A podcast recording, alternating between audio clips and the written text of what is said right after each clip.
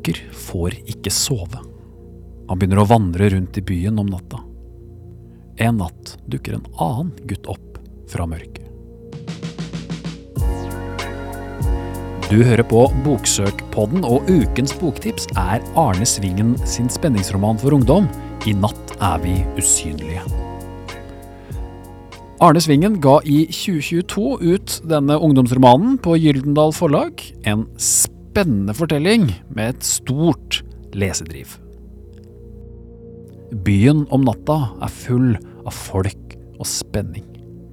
Anker får ikke sove. Han begynner å vandre rundt i byen om natta, og en natt dukker en annen gutt opp fra mørket. Anker står i en tom gate og ser utover et skyggelagt nabolag. Klart han ikke vil være ute nå, men han har ingen steder han vil gå. I hvert fall ikke hjem. Hadde han kunnet velge, ville han kanskje aldri gått hjem igjen. Det er altfor få valg i Ankers liv. For han har stått blant ensomme gatelys og sovende biler før. Alle de andre nettene har han snudd, gått de ca. 150 skrittene hjem, inn på rommet sitt og krøpet tilbake under dyna, selv om folk har sunget og danset i stua. I natt klarer han ikke snu, i hvert fall ikke ennå, for han kan se en skygge bevege seg borte ved husene der veien deler seg i to. Anker er ikke redd. Kanskje han ikke klarer å være redd lenger? Som om det var en sykdom som han har blitt frisk av. Nysgjerrigheten er som en magnet, og han begynner å gå mot skyggen. Selv om den egentlig skal sove, er byen full av lyder.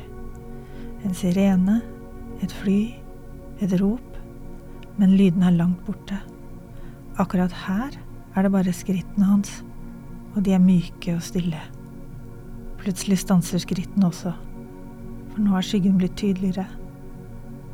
Det er noe som ikke stemmer med den. Jack er denne gutten fra mørket. De begynner å snakke sammen.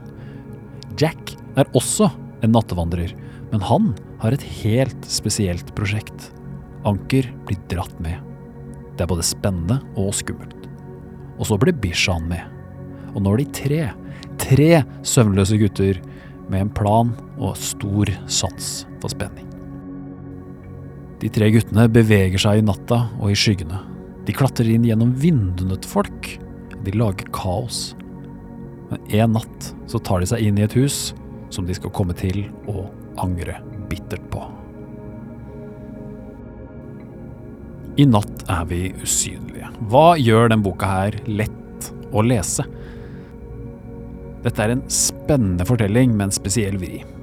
Boka har stort lesedriv, få karakterer, mye dialog, og hvert kapittel er merka med navnet på en av de tre karakterene, slik at man vet hvem som forteller.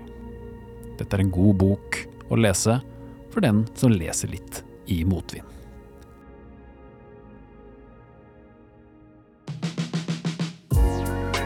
Du har hørt på nok en episode av Boksøkpodden, en podkast fra foreningen Lesersøkebok. Alle boktipsene her er basert på bøkene fra vår egen søketjeneste boksøk.no. Ta en titt innom den nettsida for å få flere tips. Gå også innom lesersøkebok.no og se litt hvordan vi jobber for å gjøre god litteratur tilgjengelig for alle. En ny episode av Boksekkpodden den hører du neste torsdag. Du finner den der du liker å høre på podkast. Jeg heter Anders Reff. God lesing.